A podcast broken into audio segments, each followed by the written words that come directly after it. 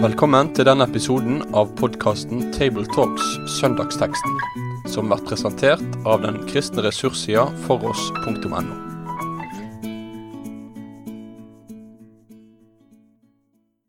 Hjertelig velkommen til en ny episode av eh, Tabletalks, podkasten der vi går gjennom og snakker om eh, søndagens pregetekst. Og I dag så skal vi se nærmere på teksten for eh, tredje søndag i advent, den som er 16. desember. Og eh, Tredje søndag i advent det er en søndag som på en særlig måte fokuserer på døperen Johannes og hans eh, vitnesbyrd om Jesus. Eh, og Det er en viss tradisjon for at det er noe som en også løfter fram, gjerne også andre tekster i Bibelen, hvor, hvor vi leser om hva døperen sier om Jesus. Og Det kan også minne oss om at julehøgtida er mer enn bare selve hendelsen i Betlehem. Det er ikke tilstrekkelig bare med juleromantikken, men vi trenger også vitnesbyrdet om hvem han er. Den som forklarer de mange samstemmige vitnene som sier hvem, hvem han er, og, og hva som var grunnen til at han kom til vår verden. Så det er det vi skal, skal, se nærmere på, en tekst som handler om det i dag. Og med meg i studio så har jeg nå Sverre Bø. Og så er det meg, Knut Kåre Kirkholm. Og så skal vi nå lese teksten fra Johannes 5, vers 31-36. Dersom jeg vitner om meg selv, er mitt vitneutsagn ikke gyldig. Men det er en annen som vitner om meg, og jeg vet at hans vitneutsagn om meg er sant. Dere sendte bud til Johannes, og han har vitnet for sannheten. Men jeg er ikke avhengig av at noe menneske vitner om meg. Dette sier jeg for at dere skal bli frelst. Johannes var en brennende og skinnende lampe, og for en tid ville dere glede dere i lyset fra ham.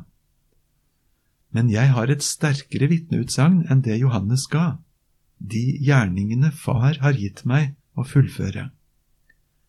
Og det er disse gjerningene jeg gjør, som vitner om at Far har sendt meg.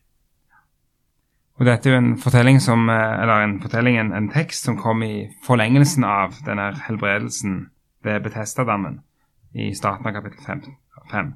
Og, og um, Da har jo Jesus allerede sagt noe om sjøl om sitt forhold til far, og så, eller til Faderen, og, og, og så kommer han nå med at uh, mitt vitnesutsagn er ikke gyldig. Og Hva i verden er som skjer her? Har du noen tanker om det, Sverre? Ja, først det du sier, at uh, dette vi leste nå, det kommer i forlengelsen av en helbredelse. Mm. Det er litt typisk Johannes. Uh, ofte forteller han de samme hendelsene og underne som synoptikerne forteller, men så tar liksom Johannes oss med backstage og gir oss alle forklaringene og misforståelsene og vi kan jo mange ganger smile litt over de dumme misforståelsene som både disipler og motstandere kunne prestere. Men vi, vi, har kanskje litt godt av å bli minnet om det, og når vi smiler av det, så er det fordi vi har hørt fasiten fra Jesus. Mm. Hadde vi vært de første, så hadde kanskje vi gått i samme fella. Så Johannes bæres på mange måter, hele evangeliet, av disse utdypende forklaringene. Og så er det til selve saken det at underne de skapte ikke uten videre tro, de kunne skape begeistring. Da han mettet 5000, så så de tegnet og ble så glad at de ville gjøre Jesus til konge. De ville til og med ta med makt for å gjøre ham til en brødkonge. Men Jesus ville være en hjertekonge, og gikk videre med å forklare at tegnet, det er bare et skilt. Skiltet viser en eller annen vei. Tegnet viser til noe større. Eh, bli ikke så opptatt av selve mirakelet, at dere glemmer rammen og betydningen, hva Gud har ment dette for. Og det går også igjen i vår tekst. Hva er det egentlig som kan forklare den nye Jesus kommer med? Ikke under nye for seg, og ikke alle som sa at dette var noe stort nytt, men selve saken, selve personen Jesus. Hmm. Og det er altså det er nødvendig, sier Jesus, med flere vitner. Eh, og, og, det henger gjerne sammen med at eh, ja, det står i Mosloven at eh, to vitner må til for at en sak skal stå fast. og, og det er gjerne helt logisk hvis en eller annen person kommer og sier et eller annet om seg sjøl, så vil vi jo ha behov for at det, dette her blir bekreftet av andre vitner. Og det er jo akkurat det Jesus nå innfører. Nå, nå skal han si noe om, om andre vitner. Eh, og, og, han kommer med haug med vitner i forlengelsen her. Ja, det gjør han, og jeg satte meg med bibelordbok og begynte å sjekke alle de Johannes-tekstene som snakker om hvem er det som vitner. Mm. Og det er døperen, Johannes, så er det Jesus som vitner, far, Faderen vitner, talsmannen, Den hellige ånd, han skal vitne, gjerningene Jesus gjør, de vitner, så skal disiplene vitne, og så er det ikke minst i teksten vår rett etterpå, så får vi høre at Skriften vitner om meg.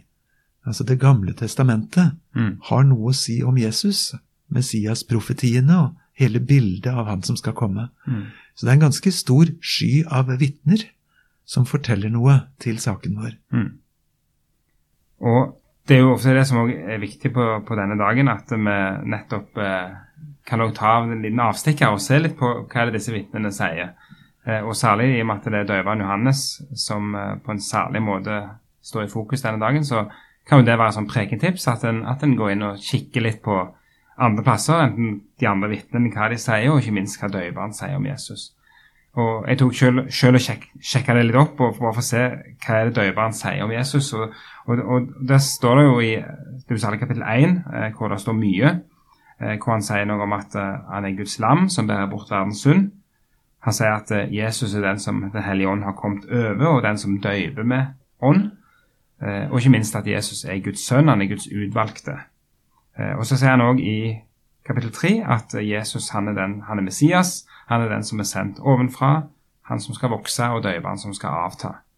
Og, bare der, i, sånn, bare ved å gå etter en sånn en hva er det den enkelte sier om Jesus, så har, har han faktisk eh, ganske mye spennende stoff som, som kan være verdt å, å, å løfte fram på en, på en dag. For det er jo nettopp behovet for vitne eh, om Jesus, det som peker ut, som forklarer hvorfor hendelsene skjer. Det er jo det vi er inne på her.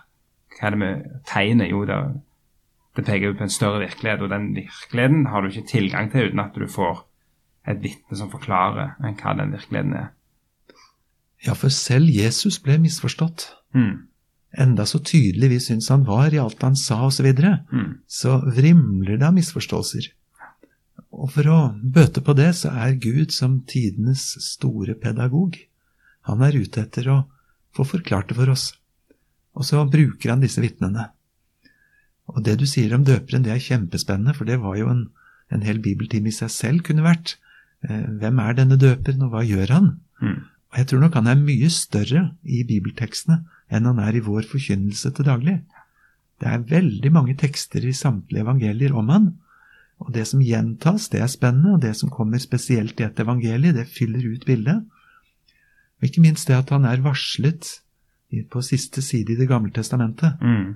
og da med det kodeordet Elias, profeten Malaki, som sier fra Gud at han skal sende sin tjener Elias, som skal rydde vei Mm. for han som virkelig skal komme, Før Herrens dag. Mm. før Herrens dag kommer, den straffedagen, men også Herrens frelsesdag. Mm. Og slik ble Johannes en veirydder. Og så er det interessant det som står der, er at eh, Men det var bare en kort stund dere hadde glede av hans lys. Og, det er jo det Johannes også har sagt, eller det er sagt i starten av evangeliet, at, at han er ikke lyset. Det er ikke lyset, men han skulle vitne om lyset. Så det kunne kun en kortvarig glede, men så kommer liksom den store, store gleden. Ja, det er det. Og når du sier det, så smiler jeg litt, for jeg kommer på en episode fra bedehuset hjemme der jeg bor. Mm. Der var det en eh, forkynner som eh, la ut så det ble så tydelig for oss det døperen sa, at han skal vokse og jeg skal avta. Og Han gjentok setningen og han malte det ut så vi så det for oss. Og Til slutt så var det en gutt som satt på rekka foran meg, som kanskje var fem-seks år og hadde lyst til å bli veldig stor. Han utbrøt sånn halvhøyt. Ja, men hvor små er det meninga vi skal bli, da? sa han. Han gleda seg til å bli stor, og skjønte at idealet i Bibelen er et annet. Mm. Så det utfordrer ethvert vitne. Mm. Det er en annen vi vitner om enn oss selv. Og selv en så stor person som døperen, han bare peker vekk fra seg Mm. og over på Jesus. Den største født blant kvinner, og så likevel, så, som Jesus sa om han. Ja, det er et poeng. Du har med deg her også et sitat fra gode gamle Josefus. Det syns jeg vi skal, skal bruke noen minutter på. For der får vi satt døperen inn i et, et, et eh, annet, ikke et annet lys, men iallfall inn, i- inn i lyset av, av samtida, da. Hvordan de oppfatter han. Ja, det syns jeg er et spennende sitat.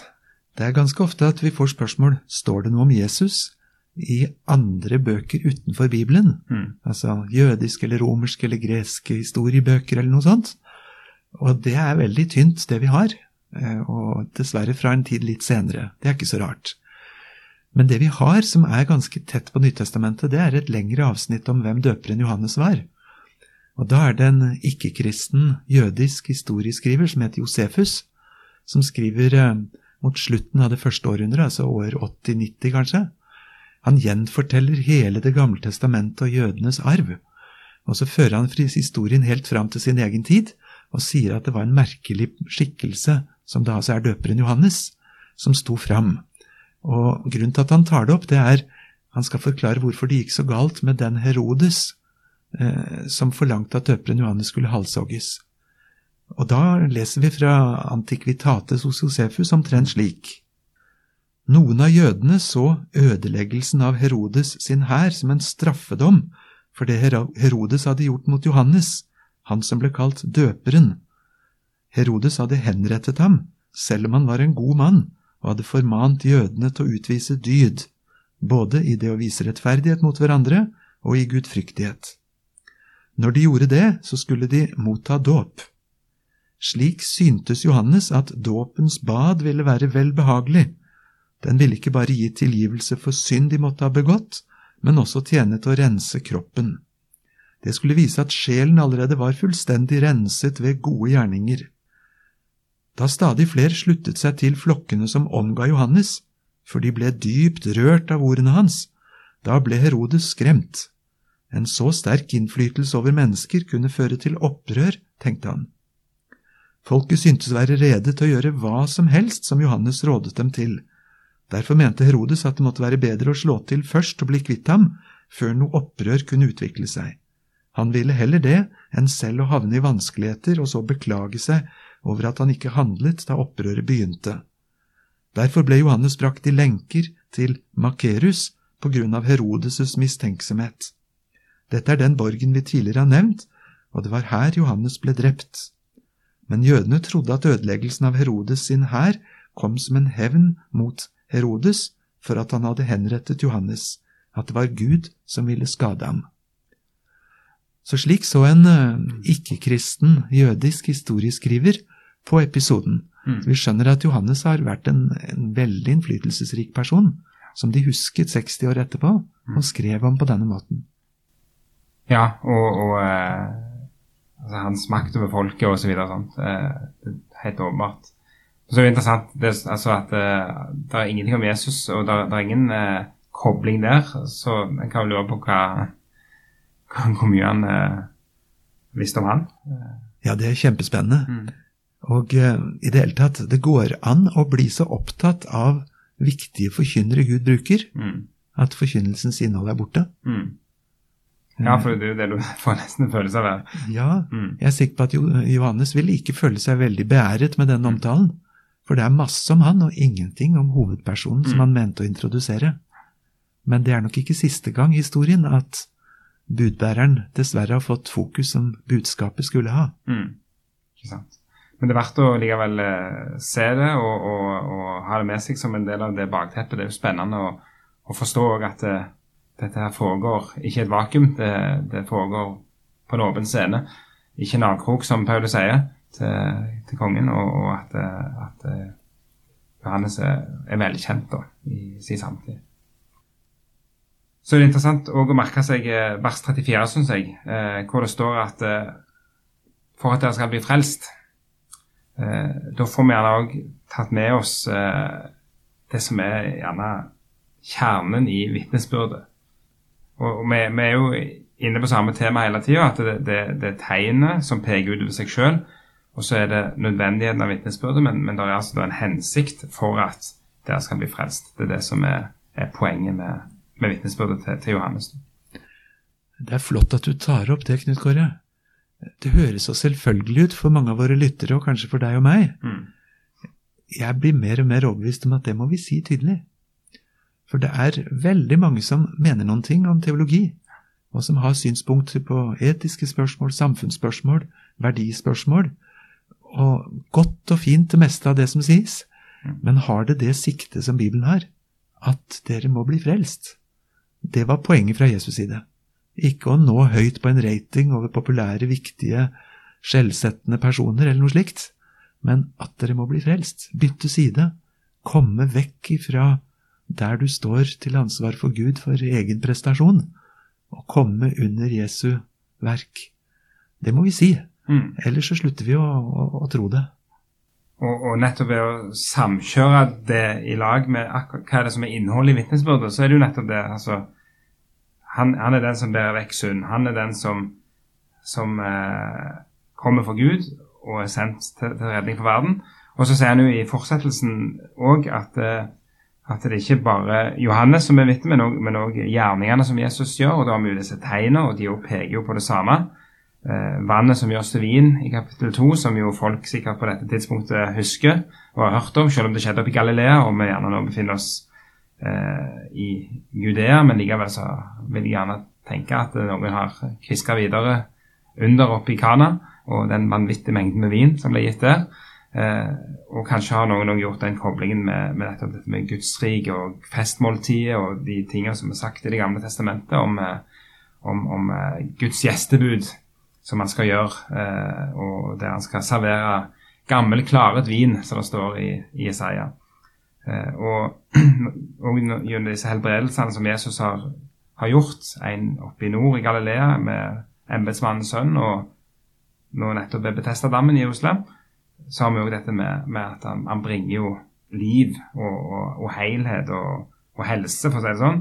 Eh, da er det jo Guds rike som som òg eh, er innholdet. og da er det, det er frelsen. Det, det, det, er liv og overflod, og det er tilgivelse for synd. Da har vi egentlig fått samla sammen ganske mye viktig eh, av frelsesbudskapet. Ja, for dette finner du gjennom hele Johannesevangeliet. Jeg har vært litt opptatt av misjonsbefalingen som du finner i Johannes kapittel 20. Mm. Den er eh, veldig tydelig, men svært kort. Akkurat som Far har sendt meg, sender jeg dere. Dersom dere tilgir noen deres synder, så er de tilgitt. Dersom dere fastholder dem, så er de fastholdt. Det var misjonsbefalingen. Mm. Misjon er synder som tilgis, eller synder som fastholdes.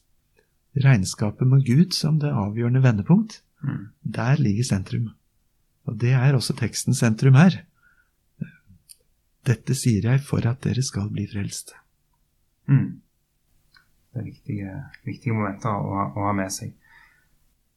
Hva er det du, Hvis du skulle talt over denne teksten, hva er det du særlig ville, ville vektlagt eh, fra en talerstol, du, Sverre? Jeg sitter igjen med to momenter som jeg håper jeg ville fått fram. Det ene er at ordet for å vitne på gresk, det heter martyreo. Mm. Og det er det som er blitt til vårt fremmedord martyr. Mm. Og da tenker vi på en som dør for sin tro. Og grunnen til at det har fått den klangen, det er jo at den som virkelig vitnet om Jesus, risikerte noe. Du risikerte å bli straffet for det fordi det var forbudt. Et vitnesbyrd, det vil normalt koste. Mange av oss syns det koster en indre kamp på et vitnemøte å ta ordet. Vi er redd for å dumme oss ut, eller hva det er vi er redd for, eller si noe feil. Men det koster noen ting å vitne om Jesus. Og koster det noe for oss under så trygge forhold, så må vi gjerne sende både en bønn og en tanke til medkristne som risikerer veldig mye mer for å vitne om Jesus. Men det andre, det er selve poenget som kommer fire ganger i vår tekst når det står om å vitne. Vitne om meg. Vitne om meg. Vi, vi bør ikke lure på liksom hva er det vi skal si. Mm. Jo, på en måte er det godt vi tenker det gjennom, men selve poenget Jeg skal si noe om Jesus. Jeg skal ikke holde et vitnesbyrd sånn at jeg var flink til å vitne, men jeg må få sagt noe om han. Da tenker jeg på en eh, gutt jeg hørte om, som gikk i ungdomsskolen eh, et sted i Vestfold, der jeg bodde på den tiden. Han var blitt en kristen i løpet av en sommerleir. Og første skoledag kom nærmere og nærmere, og han tenkte åssen skal jeg våge å få sagt det til de andre? Det lå ikke helt til han. Men så tenkte han ut en plan som han gjennomførte. Han mer eller mindre storma inn i klasserommet da dørene ble åpna, tok han krittet, og så skrev han over hele tavla Jesus er veien, sannheten og livet. Hilsen Torstein. Et flott vitnesbyrd. Mm. Jeg er sikker på at det går i himmelens radar for hva det er å vitne om Jesus. Mm. Om han. Veldig fint. Sjøl tror jeg jeg ville òg eh, Jeg skal faktisk sjøl tale over den teksten, så jeg skal få brynt meg skikkelig på den. Eh, men jeg tror eh, ja, at jeg ville òg plukket opp noen av de, de, de, momentene. Hva er det som er blitt sagt om Jesus allerede? Og hva er det som prøver å bruke liksom, døyvende vitnesbyrd for, for å, understreke eh, sannheten om Jesus. Og, og det poenget at at det er nødvendig altså, Dette er en tekst som vi skal tale over 16.12. Det er åtte dager igjen til julaften. og, og eh, Vi er omringet av jul på alle måter. Og eh, i vår tid så er jul romantikk eh, og ingenting annet, nesten. Og nødvendigheten av at det lyder et ord inn i alle disse her symbolene som sier noe om hvem vi, vi skal feire. Det har jeg lyst til å få satt skikkelig strek under eh, i en pregen over den teksten her. Mm. Med det så går vi mot en avslutning. Eh, på foros.no, nettsida, så er det òg mulig å lese en, en, skriftlig utleggelse av den, denne teksten. Så da går det an å bruke det til å supplere det dere hører eh, oss snakke om her. Eh, og Så vil jeg for øvrig takke for i dag og ønske Guds velsignelse over de av dere som skal forkynne, og de av dere som skal lytte til forkynnelse over denne teksten. Med det sier vi takk for følget for denne gang. Finn flere ressurser, og vær gjerne med å støtte oss på foross.no.